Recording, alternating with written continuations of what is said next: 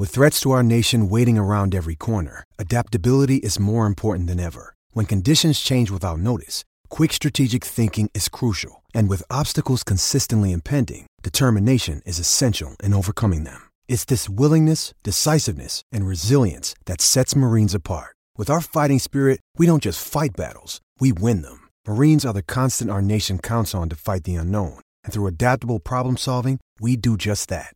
Learn more at marines.com.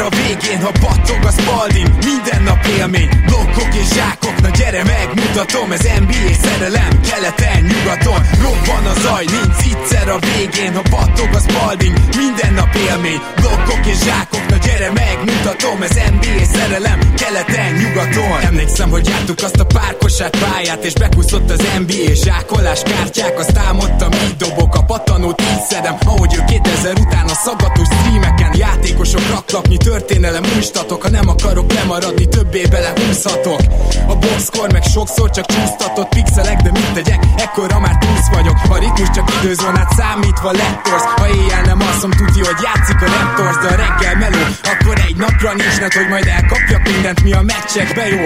Voltak kedvencek, igen, Enter the Matrix. Marionát zsákol, te meg eldöntöd, miért nyíksz? Nessel a szansz, nekem egy örök fét is Bár rég volt erre az agyam, felpörög mégis. Ma már azt nézem, hogy lehet még utat törni lesz olyan jó majd, mint James Durant Curry. Sok év után nagyon más, de elhinnéd de nekem Több ez, mint rajongás, ez NBA szerelem. Robban a zaj, nincs egyszer a végén Ha battog a spalding, minden nap élmény Blokkok és zsákok, na gyere megmutatom Ez NBA szerelem, keleten, nyugaton Robban a zaj, nincs egyszer a végén Ha battog a spalding, minden nap élmény Blokkok és zsákok, gyere megmutatom Ez NBA szerelem, keleten, nyugaton. Azt mondanám az életem kosárlabda elhinnél A nyelvemből a pattanó, ha a beat az NBA Kerek vagyok, mint a Spalding, mint piszkálsz Meg több kosarat kaptam nőktől, mint a vaj a Phoenix Suns. Mert az élet, mint a Spurs védelem bedarál. Griffin olyat tömött megint, hogy már szinte preparál. Ide nem jön rim, hogy egy D-taktikát kitalálhass. Jó GMC vagyok, beférek a kepp alá.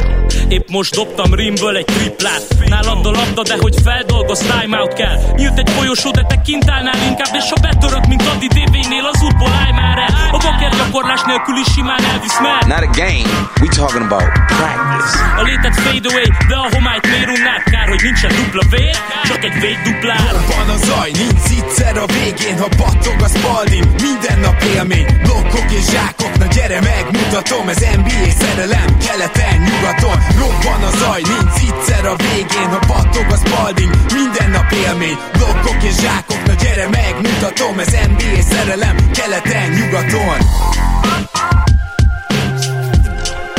Éj jó! Szép jó napot kívánunk mindenkinek!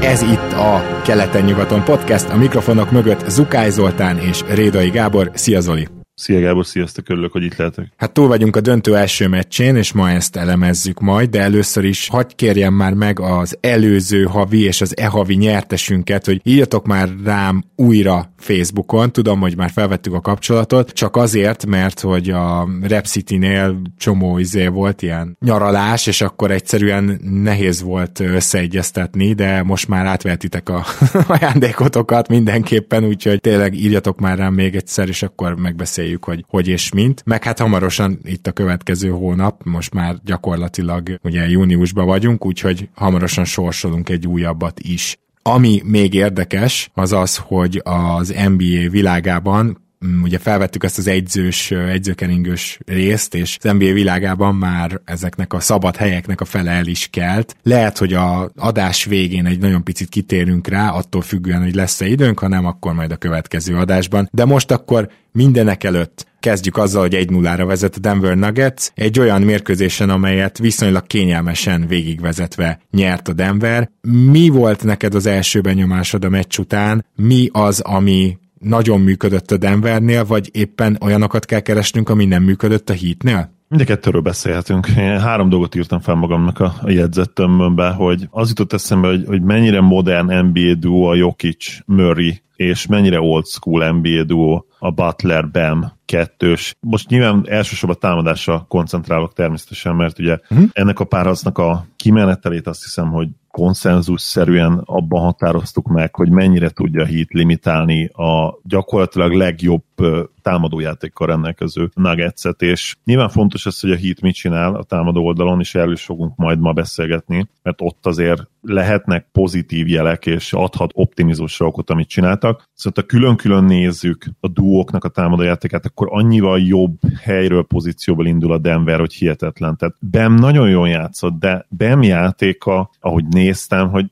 annyira szenvedős volt ez a 26 pont, tehát 25 dobásból 26 pont, és ugye ez miért van így, mert nem triplázik, és büntetőket nem igazán harcol ki, illetve ebben a meccsabban különösen, a Nuggets nem fogja szétfaltolni a hitet, és ezt már most az első meccsen láttuk, és Butler hát, ugyanezt. Bocs, bocs, tehát... csak itt rögtön megemlítetted az egyetlen igazán jól működő hit támadó dolgot, az pedig az volt, hogy ugye Adebayo Jokicsot verje meg, akár ilyen kis hugsatokkal, akár úgy, hogy elmegy mellette, és ez az egy működött, csak az a baj, hogy ezekkel a kis kétpontosokkal, főleg ugye ilyen százalékkal, mármint nem azt mondom, jó, hogy ez jó, nagyon százalék, rossz. csak ezzel nem fogsz meccset Ezzel nem fogsz meccset nyerni, pontosan ez a mondat kell, hogy elhangozz hozzon, hogy ez még kevés ahhoz, hogy meccset nyerj.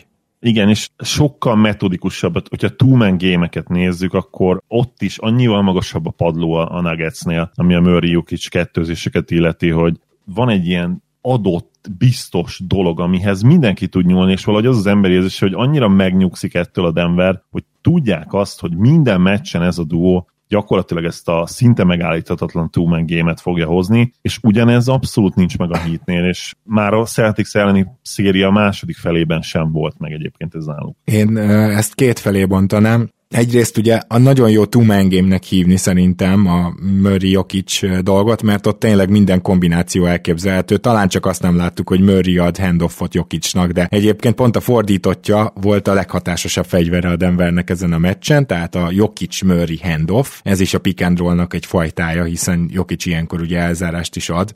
Ami nagyon érdekes benne, hogy azért a Miami látszott, hogy mit szeretne védekezni, tehát látszott, hogy amennyire lehet, megpróbálják két emberrel levédeni, és hogyha nagyon nem megy, akkor a sarokból, akár Michael Porter Jr.-ról lesegítve szeretnének besegíteni a palánk alatt. És ez hol sikerült, hol nem, én először is azt mondanám, hogy a Heat, főleg az első fél időben lassú volt ezeknél a rotációknál. És az egész mérkőzésre nézve úgy éreztem, hogy egy fáradtabb csapat, és hogy, hogy, hogy igenis a pihentebb csapat most kijött. Egyébként nagyon érdekes, hogy amikor kilenc nap különbséggel lépett pályára egy gárda a másikhoz képest, és kilencszer fordult egyébként ez pont elő, és ők játszottak hazai pályán, akkor 8-1 az állás. Tehát azt gondolná az ember, hogy működik ez a lendületből jön, a másik meg rozsdás, de nem, amikor te vagy otthon, akkor általában jobb vagy, és általában a kipihentség nyer. Szóval ez az egyik dolog, hogy ezeket a Miami akkor tudja jobban védeni, hogyha gyorsabban rotálnak. És a másik oldal pedig, amit említettél, nos, én azt hiszem, hogy itt Butler teljesítményét muszáj egy picit kritizálnunk olyan szempontból, hogy ez a csávó, ezt Nate Duncan mondta rohadt jól, a Milwaukee Bucks ellen Drew Holiday Giannis Antetokounmpo és Brook Lopez pick and roll coverage-eit robbantotta a darabokra. Ennél jobb három védőt egyszerűen nem lehet elképzelni, a Denver is csak álmodhat bármelyikről. De komolyan, tehát Gordon nagyon jó védő, és mind a három felsorolt játékos jobb védő nála. És jelen pillanatban ott tartunk, hogy Butler amikor Jokicsal pick and rollozik, tehát Jokic emberével, akkor szinte bármikor egy viszonylag üres középtávolit megkap, ezt is csinálta egész meccsen, és kihagyolgatja őket. Tehát, hogy ez ilyen atombiztos dolog volt, ilyen Durenti szinten tolta a első két körbe, azt mondanám legalább, ezeket a középtávolikat. Butlernek ezeket be kell dobni, és rá kell venni a Denvert, hogy változtasson egy kicsit a védekezésén, mert ha ezeket nem dobja be, akkor a Miami Heatnek nem marad igazán fegyvere, ami a kettő-kettőket illeti, mert ahogy te is mondtad, ugye ez egy old school duo, itt nem lehet az, hogy Bam poppol, meg nem tudom én, Bam indítja a pick and roll, tehát hogy nagyjából két esetőség van, az egyik az, hogy Jimmy Butler középtávolizik, a másik pedig, hogy Bam Adebayo rollol és úgy kapja meg a labdát, és egyelőre egyik se okozott gondot, és leginkább azért, mert Butler nem tudott hatékony lenni, nem játszott jól, és ez az őszintjén ezek jó dobások voltak. Azt láttuk az egész playoffban, hogy ezeket beveri. Tehát, hogy én szerintem a hitnek mind a két oldalon van fejleszteni valója, csak nem tudom, hogy Butler mennyire van egybe így a sérülése után, és nem arról van szó, hogy most már csak ennyire képes, mert ha igen, akkor az nagy baj a hit szempontjából.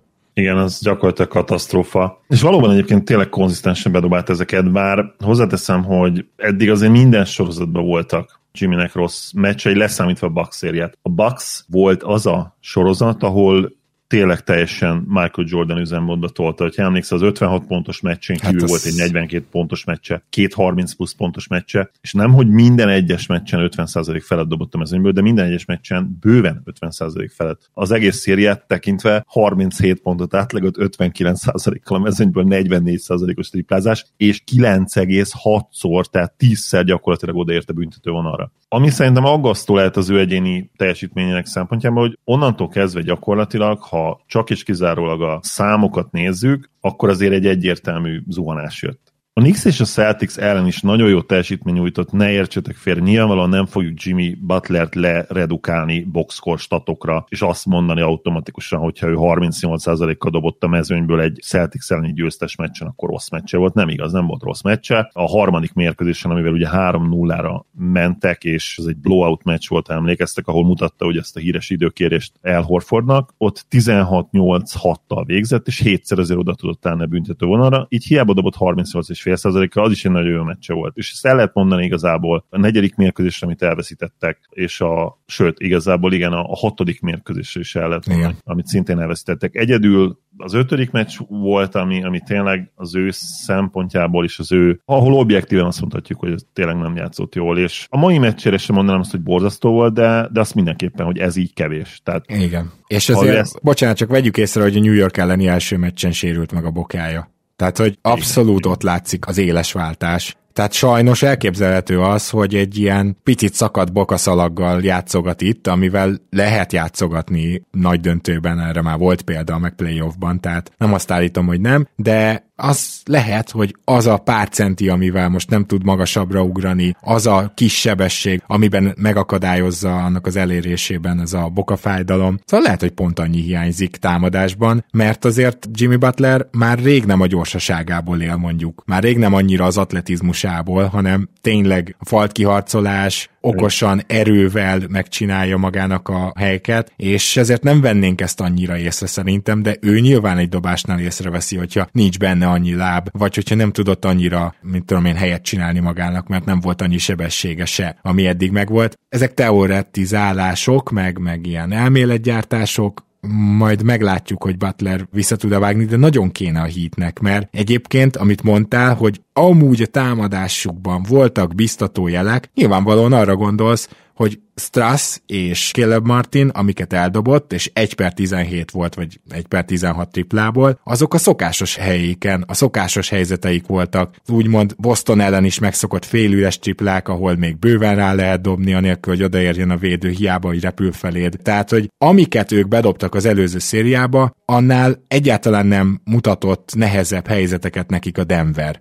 Nem arról volt szó, hogy igen. itt a Denver jobban odaért, vagy ilyesmi, mint a Boston, meg is lepődnénk, hanem arról volt szó, hogy tök ugyanazokat, amiket itt 40-50 százalékkal dobált ez a két ember, most kihagyták, és gondolom erre gondolsz, amikor azt mondod, hogy voltak biztató jelek. Mindenképpen, és ugye csak Strassnak legalább 5 wide open triplája volt, az egyik az tényleg annyira üres volt, hogy senki a közelében nem volt, és Kinőtt azt a fű. Tudta, Igen. A probléma ezzel, hogy ezt ugyanúgy el lehet mondani a Denverről, sőt, a Denver rosszabbul triplázott, mint a Heat ezen a meccsen. A Heat végül ugye 33%-kal dobott a mezőnyből, a Nuggets 8 per 27-et, és MPJ-re ugyanez igaz, ugye ő 2 per 11, tehát ő gyakorlatilag lehozta a Strass meccsét a tripla vonalon túról. Murray is 2 per 7, volt legalább kettő olyan dobása, ami eddig neki mindig beesett a play ban KCP is 1 per 3, ő azért átlagosan ennél jobban fog triplázni, mert ő gyakorlatilag tényleg csak wide open triplákat dobál Szóval amit a Heatnél találhatunk, mint potenciális pozitívumot, azt pont meg tudjuk találni Nuggetsnél is, és nyilván ez nem azt jelenti, hogy, hogy akkor nincs esélye a hitnek, persze, hogy van esélye, ez egy rohadt kemény csapat, és bízhatnak abban, hogy találnak majd egy olyan, egy olyan estén jó dobóformát, amikor a Nuggetsnek szintén nem lesz újra jó dobóformája, hasonlóan az első mérkőzéshez. De ennek egyszerre kell megtörténnie, mivel a festéken belül gyakorlatilag nem lehet limitálni a Nuggetset, és akkor itt beszélünk kicsit arról ugye, hogy a zóna elleni kísérletek nekem nagyon könnyűnek tűntek. Én még a Jokic nélküli perceket is, a percekben is úgy éreztem, hogy jó dobóhelyzetei voltak a Nuggetsnek a zón ellen, nem estek be, nem, ezek a triplák nem sikerültek úgy, abból a 20 plusz kihagyott triplából elég sok jött a zón ellen. Igen, és elég sok jött a negyedik negyedben, amikor egy picit ilyen Igen. megváltoztatott zónával próbálkozott a Miami, de ott is igazad van, hogy abba benne van az is, hogy egy csomó üreset kihagytak, ami nyilván mondhatnánk, hogy mert, mert nem a jó dobók dobták rá, de a zóna az nagyon nehezen tud ilyet csinálni. Tehát zónában nagyon nehezen tudod kiválasztani, hogy kidobjon. Lehet, hogy el fog idáig jutni a Miami, de most nem sikerült. Most egyszerűen abba bíztak, hogy a Denver nem tudja bedobni a helyzeteket, és kikényszerítették őket a festékből a zónával, és ez bejött, de azért ezzel se lehet számolni hosszú távon. Nem, és hát van egy másik faktor, ami kifejezetten aggasztó a hétnél, tehát a két büntető dobás. Az, hogy én értem, hogy ezek jó dobóhelyzetek, és értem, hogy ez vitt idáig, de nem adhatod a sorsodat az undrafted játékosait kezébe. Mondjuk, hogyha hét meccsel számolunk, tegyük fel, nem csináltod meg akár ezt már négyszer sem szerintem. Tehát igenis Jimmynek nagyon nagy elánnal kell támadni a gyűrűt, enélkül egyszerűen ez lehetséges meccset nyerni, mert akárhogy nyerhetsz egy meccset, erről beszéltük, sőt én azt mondom, hogy akárhogy nyerhetsz két meccset, azért ez egy döntős csapat, amelyik tavaly kis hiány majdnem szintén döntőbe jutott 2020-ban, megint döntőben voltak. Tavaly ugye alapszakasz elsők voltak az előző szezonban. Tehát ez egy nagyon-nagyon jó csapat, de a jelenlegi helyzetben, a jelenlegi formákat nézve egyszerűen ennél több kell, és Jimmynek igenis a hátára kell venni a csapatot, és 10-12 büntető a második mérkőzésen ki kell, hogy harcoljon. Ez lehet az egyik útja, módja annak, hogyha ők el tudják lopni ezt a második meccset, ami szerintem nagyon-nagyon-nagyon-nagyon fontos, tehát kihangsúlyozni se tudom, hogy mennyire fontos, mert ha a Nuggets megnyugszik, kifejezetten idegesnek láttam őket, és túlpörgötnek az első meccsen. Ha ők be tudják húzni a második meccset, a hitnek a híresen gyenge hazai nézőközönségével, ha a Nuggets kifog egy jó napot és 10-15 ponttal vezetnek idegenbe, akkor vége lehet ennek a párharcnak, mielőtt elkezdődhetett volna. Igen, Tehát igen. Tehát nagyon, kell, nagyon kell, az a, kell az az egyenlítés. Ami még érdekes és hangozzon el, bár nyilván erre a hit aztán reagál, de az első fél időben úgymond a sakjátszma nyitó lépéseit azt egyértelműen Melon nyerte, azzal, persze Spostránál ez biztos, egy kalkulált dolog volt, de ő meg akarta próbálni ugye a small volt, amiben Jimmy Butler vagy Caleb Martin a négyes, és ezzel a Denver az első két támadásban még nem annyira kezdett bármit is, mert kint állt Gordon a sarokban, dobott is egy hatalmas rigót tök üresen, ugye. Aztán viszont elkezdték azt, hogy na jó, rendben, akkor csináljunk fönn egy pick and roll és utána maradjon kint a labda, majd Gordon, akinek akkor már általában Gabe Vincent védekezett, megy leposztolni és ez fantasztikusan működött. Ez annyira jól működött, hogy a miami védekezést kellett váltani a második negyed közepén, mert egyszerűen úgy használta ki a Denver a magassági és erőfölényét, hogy arra lehetetlen volt válaszolni. És kíváncsi is voltam, hogy, hogy igazából mit csinálnak ezzel, és nyilvánvaló a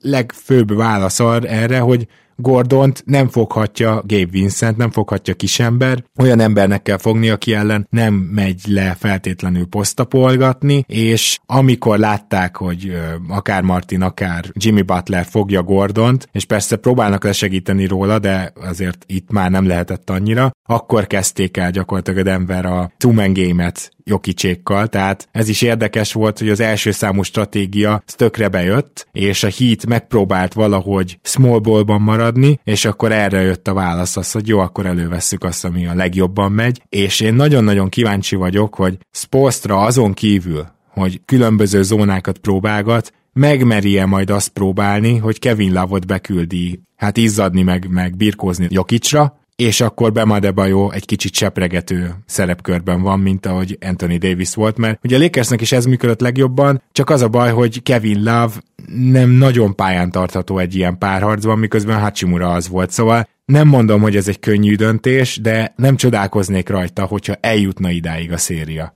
Igen, én, én is ezen gondolkodtam, és már most olvastam olyan véleményeket, hogy, hogy Lavot azonnal be kell hozni, és ha lehetséges, akkor hírónak már a második meccsen vissza kell térnie. Az előzővel egyetértek, a második nyilván attól függ, hogy Hero hogy érzi magát, illetve Spostra mennyire érzi azt, hogy ők nagy bajban vannak, és mit tud kimatekozni az elemzések után. Értem, hogy miért van Zeller a pályán. Tehát Zeller azért van pályán, hogy birkozzon egy 10 percet valakivel. Hát a, az a valaki az teljesen egyértelmű, hogy kicsoda. Valaki az pontosan igen, ebben az esetben egyértelmű, hogy ki. Jokicsal, és leszed néhány lepottanót, de, de úgy igazából semmilyen fegyvere nincs amivel bántani tudná a Nuggets-et. Szóval én, én Kevin Love-ot inkább megpróbálnám, de tehát bármiről is beszélgetünk, az kicsit ilyen veszett fejszínjele. Ugye az előbb, amikor mondhat, hogy ha őszintén, ha most arról kell beszélgetnünk majd, mondjuk a második meccs előtt, vagy, vagy már most is arról beszélgettünk, és tényleg realizálódik az, hogy Jimmy Butler-t rá kell raknod egy Aaron Gordonra, hogy ne verjen meg az meccs elején, akkor az már ott vagyunk, hogy akkor miről beszélünk. Tehát ha Butler elfogy, el, elfogyasztod, el kell fogyasztanod védekezésbe Aaron Gordon miatt, úgyhogy mi besindította a túl megémet a neget. Szóval borzasztó nehéz, és nem látok más kiutat ebből, mint csak az, hogy egyszerűen folytassa a hit azt, amit lehet, hogy lehetetlen folytatni, hogy a kiegészítő emberei 40%-kal triplázzanak, és csapatszinten 40%-kal triplázzanak. Mert simán benne lehet a pakliban, sőt, ha most fogadnom kell, én arra fogadnék, hogy ez a 104 pont a Denvertől, ez a párharc legalacsonyabb scoring meccs lesz tőlük. Abszolút, tehát ugye mondtad, hogy aköré szerveződik a, hogy is mondjam, csak a, a párharc lényegi része, hogy a Denver támadását mennyire tudja megállítani a hit. Igaz, hogy egy kockázatos zónával értékel ezt, mert nyilván az első fél időben azt hiszem majdnem 60 dobott a Denver, vagy 62-t, vagy valami ilyesmi, tehát hogy az az offenzív rating, az, az nem ad okot büszkeségre, de mindegy, a második fél időben végül is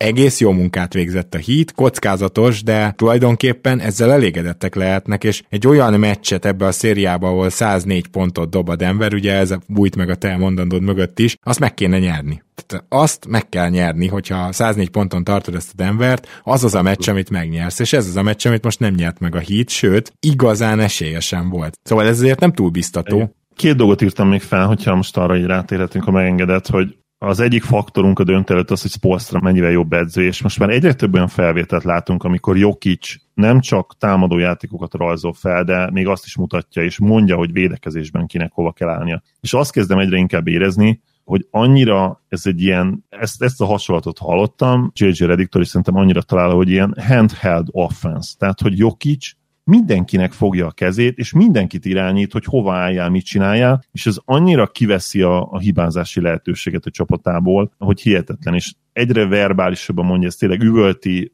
kézzel mutogatja időkéréseknél, konkrétan már ő rajzol fel játékokat. Megmondja Melonnak azt, hogy ugye a Lakers harmadik meccsén talán mondta, hogy egyszerűen hagyja, bízza rá a második félidőben a, a two-man game-re, kiürítik a félpálya egyik oldalát, és ők a kettes játékokban megoldják, és egyre inkább azt érzem, hogy ez a faktor is egyszerűen ki van véve az egyenletből azzal, hogy Jokicsot a play 40 plusz percet tudod játszani, és ma konkrétan szerintem pihentették Jokicsot. Tehát csak 40 percet kellett játszania ahhoz az első meccsen. Ő játszhatott volna ma 44-et vagy 45 percet Igen. is, mint ahogy MPJ. És a másik dolog, amit felírtam, ha már MPJ, Gere Marcira reagálva, aki ugye maga stílusában írt nekünk, maga jellegzetes stílusában, és ez nem feltétlenül meg nem kritikaként mondom, neki van tényleg egy stílusa, ami olyan Gere Marcis, Gere Mártonos, hogyha Márton preferálod, tényleg egy kicsit jogos leszúrásban részesített minket, hogy nem beszéltünk eleget MPJ-ről, és ma direkt emiatt is akartam meg tényleg, hogy azért az hihetetlen, hogy MPJ-vel eljutottunk egy olyan szintre, hogy amikor nem esnek be a dobásai, akkor is rohadt hatékony. Mennyire jól ment védekezésben, két hatalmas, demoralizáló blokkja volt a meccs elején. Ez, Ez neki egyébként ilyen szempontból egy álommeccs, akárhonnan nézem, mert Igen ő tényleg alkalmas arra, hogy besegítsen Jokic mögé.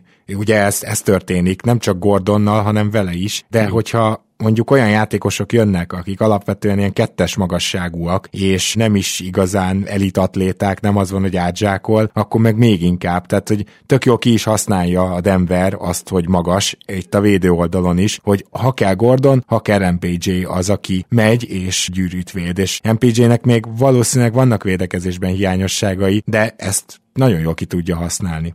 Igen, igen, és ugye nagyon jól lepattanóz az elejétől kezdve. Így van. Nem gondoltuk volna tényleg, hogy ezt el lehet valami, vagy a közeljövőben mondani ilyen PG-ről, hogyha nem esnek be a dobásai, akkor bármi haszna van, és nem mínusz egy ember a pályán, és rohadtul nem mínusz egy ember. Playmakingbe is egész szépen fejlődik. Én úgy érzem, hogy már most ő egy legit championship harmadik számú opció. Nem feltétlenül támadásban mindig, hanem úgy, úgy a jelenlétével, az összeértékével, amit hoz és nyilván hát, igen, a határán van ennek. Most én Tobias Harrishez akartam hasonlítani, hogy nagyjából ott tart körülbelül, mint Harris játékosként. Én amúgy, Én nagyon szeretem Harris személyiségét, de nem tudom. Tehát én őt nem lát, jó, na ez nem igaz, mert mondjuk mostanában voltak tényleg jó védőmeccsei. Nehéz, de mindegy, kicsi a minta még MPG-vel, nem akarok elhamarkodó dolgokat mondani. Abban nyilván egyetértünk, hogy sokkal magasabban a plafon nála. Magasabban is van, meg, meg még ezt se nagyon mertük vele kapcsolatban remélni. Igen, hát nyilván ebben benne van ugye a sérülékenység, és, és ott mindig is egy ilyen időzített bomba lesz. Nagyon reméljük, hogy Scotty Pippent követi majd, ugye akinek volt kettő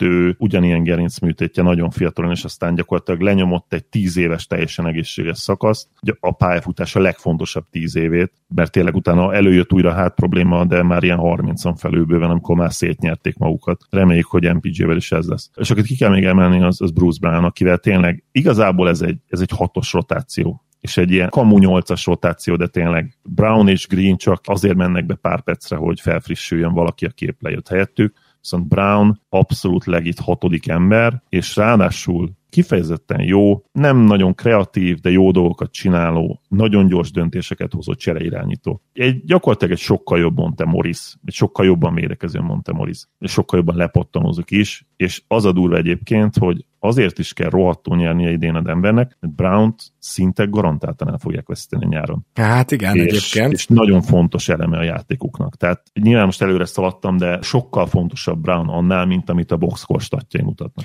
De ez már vele így volt korábban, és egyébként ő tényleg minden volt, csak akasztott ember, nem? Tehát, hogy emlékszünk, amikor egy ilyen Draymond Green szerepkörben négyesbe játszott a Netsbe, bizony, és onnan bizony. is irányítgatott már, csak akkor nem feltétlenül szembe a, a gyűrűvel. Tehát az, hogy az ő játék intelligenciáját hányféleképpen használja már ki az NBA, az félelmetes, és én azt gondolom, hogy tényleg egy Draymond Green-szerű játékosról van szó, akiről nem, nem, nem ez jut eszünkbe, meg nem beszélünk így. Na most ettől függetlenül nyilvánvaló, hogy őt továbbra is hagyni fogják dobni, és most például az első ilyen esetnél bedobta az üres triplát, tehát ezt a nagyon üres, tényleg körbenézel, lefekszel a napozó ágyra, megkávézol típusú triplákat, azért ő már bedobogatja egészen jól, és ez például egy ilyen olyan fegyver, hogy lassan nem tudsz vele mit kezdeni, ezt úgy értem, hogy egyszerűen nem fogod elhinni a meccsenként két triplát rádobó Brownról, hogy tényleg 40%-os dobó, nem lesz az az egyző a playoffba, aki nem segített le róla, hogyha valahova máshova kell a plusz ember. Ezt mindenki ezt fogja csinálni. És közben Brown Persze, meg, igen. hát bedobja.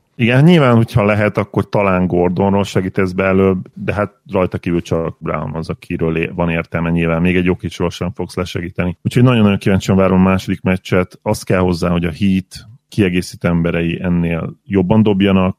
Gyakorlatilag 39-40%-os csapat triplezes kell, és, és ez, Butler, és, és, Butler. és Butlertől, bűn, Butlertől 10-11 büntető. Tehát Én támadja a gyűrűt magyarán. Igen. Igen, tehát muszáj lesz támadni a gyűrűt, de tudod, mi a legviccesebb, Zoli, hogy a Jokicsot bevonó kettő-kettőket szerintem a Miami csinálta eddig a legjobban. Pont olyan ellenfelei voltak ugye a Nuggetsnek, akik ezzel nem nagyon tudtak operálni és nekem tökre tetszett, ahogy Jimmy Butlerék ezt csinálták, mert ugye úgy csinálták többször, hogy az erős oldalról indították akár a pick and roll-t, ahonnan nem annyira segítesz be, mert ott nagyon közel áll az ember, ugye a gyenge oldalról jössz ilyenkor át besegíteni, csak az rohadt messze volt. Tehát én azt láttam, hogy igazából Jimmy Butler el tudna jutni a gyűrűig, meg akár Jokicsot is tudna támadni, hova tovább falt gondokba kergetni, de Jimmy Butler, mintha odáig tartott volna, talán erőből, vagy nem tudom, hogy oké, okay, itt ez a középtávoli viszonylag üres rádobom, és már mondtam, hogy kihagyott egy csomót, de hogy én szerintem amúgy biztató volt ez a pick and roll játék, csak nem csinálták végig, hogy úgy fogalmazzak. Igen, illetve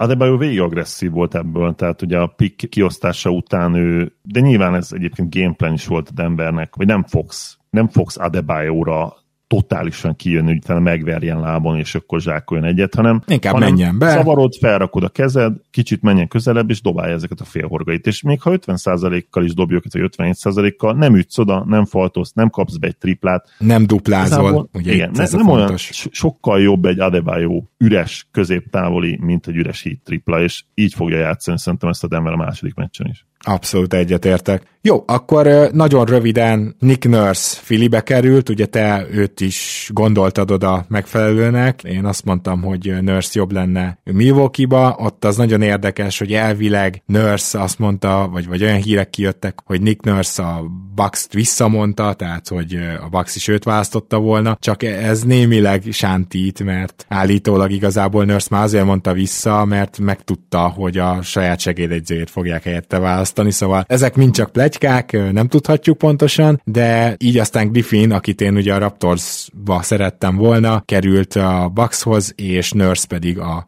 Phillyhez. Durva, hogy a teljes keleti élmezőnyt elláttátok edzőkkel. Igen, igen. Még azt kellett volna, hogy tényleg, ha szegény Mazulát vagy így ugye nem szegény, mert maradt, és Stevens nagyon gyorsan az edző szólt belőle, és zsigerből azt mondta, hogy ja, nem, Joe marad. Igen. Ha őt kirúgták volna, küldtetetek volna egy harmadik edzőt is, és akkor a teljes keleti élmezőnyt lefettétek. Igen.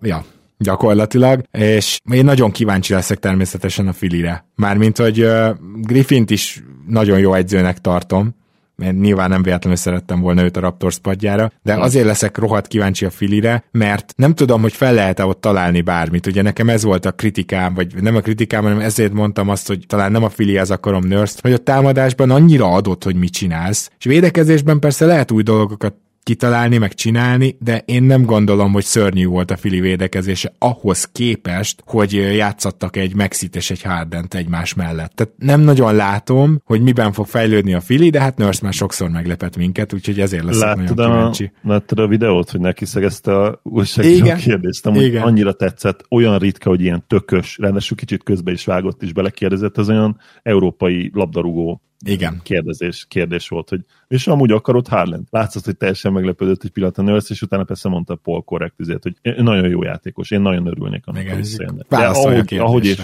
Ahogy és amit mondott, én abból totál arra következtettem, hogy semmi esély nincsen arra. Nem tudom, valahogy úgy éreztem a testbeszédéből, meg az arcára, ami kiült, hogy szerintem ez már ilyen dandi, hogy Harden nem megy vissza, de majd meglátjuk. Ja, kíváncsi leszek erre. A másik dolog, amire még kíváncsi leszek, az az, hogy hogy fogják lekommunikálni ezt a Monty Williams Detroit dolgot, mert szerintem uh, hogy is mondjam, csak valamit majd kell mondani. Tehát ugye a sztori az, azt már szombati adásban is elmondtuk, vagyis az egyzőkeringős adásban, hogy a Detroit rohadt nagy ajánlattal ment Montinak, de Monti azt mondta, hogy köszönöm. És ugye nem volt megelégedve a Detroit a két döntőbe jutottal. És úgy látszik, hogy ez annyira igaz volt, és annyira nem volt megelégedve, hogy minden idők legnagyobb ajánlatával visszakúztak Montihoz, hogy légy gyere, és arra már igent mondott.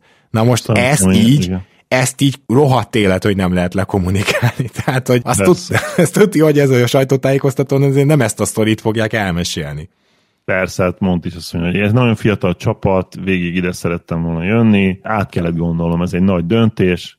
Igen. Most voltam egy izé, contendernél évekig, az is eszembe jutott, hogy pihenek egy évet, de végül ezzel úgy döntöttem, hogy elfogadom. Tehát biztos, hogy ezt valami ilyesmit fogják mond, Így fognak mondani ennek a kombinációt. Mindenesetre ez az évi 12 milla, hát ez, ez nagyon durva fizetés egy edzőnek, basszus. Ez már az a kategória, amikor a tulaj vagy a GM beleszerelmesedik, itt szerintem a GM-ről van szó, Weaverről, beleszerelmesedik. Monti szerintem jó edző, és abba a következő három-négy évben, ami korra nagyon jó lesz ez a Pistons, arra ő szerintem nagyon jó edző, aztán majd arról beszélgetünk, hogy arra alkalmas-e, hogy, hogy amikor már play vannak, és a második körben vannak, és van egy nagy párharc, hogy ott mennyire jó választás, de, de hát ha ő is fel fog nőni, mint ahogy úgy néz ki, hogy Melon felnő, bár a Pistonsnak ugye nem lesz egy Jokic a nagy valószínűséggel. Hát igen, másnak itt volt, itt volt a nagy esély, hogy legyen egy úgymond Jokicsa, de most a Lateri nem nekik Igen, kedvezett. Láttal Istenek másképp gondoltak. Bizony, bizony. Úgyhogy ugye a Sunsnál nem tudjuk még, hogy mi lesz, és a Toronto Raptorsnál nem tudjuk még, hogy mi lesz. Majd arra is reagálunk, hogyha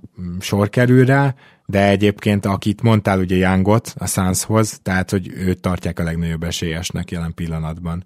Úgyhogy az Ja, ja, könnyen lehet, hogy ott az lesz a végeredmény. A Raptorsnál meg most már szinte csak európai szakemberek neve merül fel. Az se rossz, az se Az- rossz az a vonal kemény. szerintem. Úgyhogy ott állítólag a 3-4 döntős az mind, van két spanyol, van ugye a Ratko Darkovic, vagy Darko Ratkovic, bocsánat, nem tudom most így fejből, a Grizzlies segédegyzőjéről beszélünk, aki ugye nem egy ekte amerikai nevű egyző, tehát hogy, hogy akik bent vannak, azok leginkább európai vonalat képviselnek, úgyhogy ez majd érdekes lesz még. És most pedig az adásunk végéhez értünk, úgyhogy Zoli, nagyon szépen köszönöm, hogy ma is itt voltál, és akkor hát a jövő héten meg lehet, hogy már nem csak a második, hanem akár a harmadik meccsre is reagálunk, meglátjuk ezt, viszont egy fontos dolog, ahol ugyan te ma nem tudsz jönni, de én ott leszek, valószínűleg a péntekről szombatra viradó negyedik meccsre, sőt szinte biztos, lesz egy rendezvényünk közösen a Rep city és lehet jönni. Ott leszek én is, meg Baska is, meg még lehet, hogy egy-két vendég. Úgyhogy lesz egy ilyen rendezvény, csak hogy tudjátok, ez péntekről szombatra viradóan 2.30-kor kezdődik a meccs, tehát a köré fogjuk szervezni, lesznek játékok, ahogy megszoktátok, és akkor majd előre kell regisztrálni, lesz valami nagyon jelképes összegű belépő, tehát hogy így számoljatok, kedves hallgatók, hogy megint találkozhatunk találkozhatunk. Lesz döntős rendezvény a Rep City-vel közösen. Zoli, még egyszer köszönöm, hogy itt voltál ma, és jövő héten találkozunk. Örülök, hogy itt lettem. Szia Gábor, sziasztok! Kedves hallgatók, akkor remélem, hogy a jövő héten többször találkozunk, nem csak itt az adásokban, hanem élőbe is. Ugye Budapesten lesz, majd a helynevét és minden mást Facebookon kövessetek minket, és ott ki fogjuk írni, ott majd tudjátok nézni, hogy pontosan hogy kell eljutni. Most pedig megköszönném, hogy ilyen sokan támogattok minket Patreonon, és a jövő hét elején mindenképpen hallhattok újra. Pacsi, sziasztok!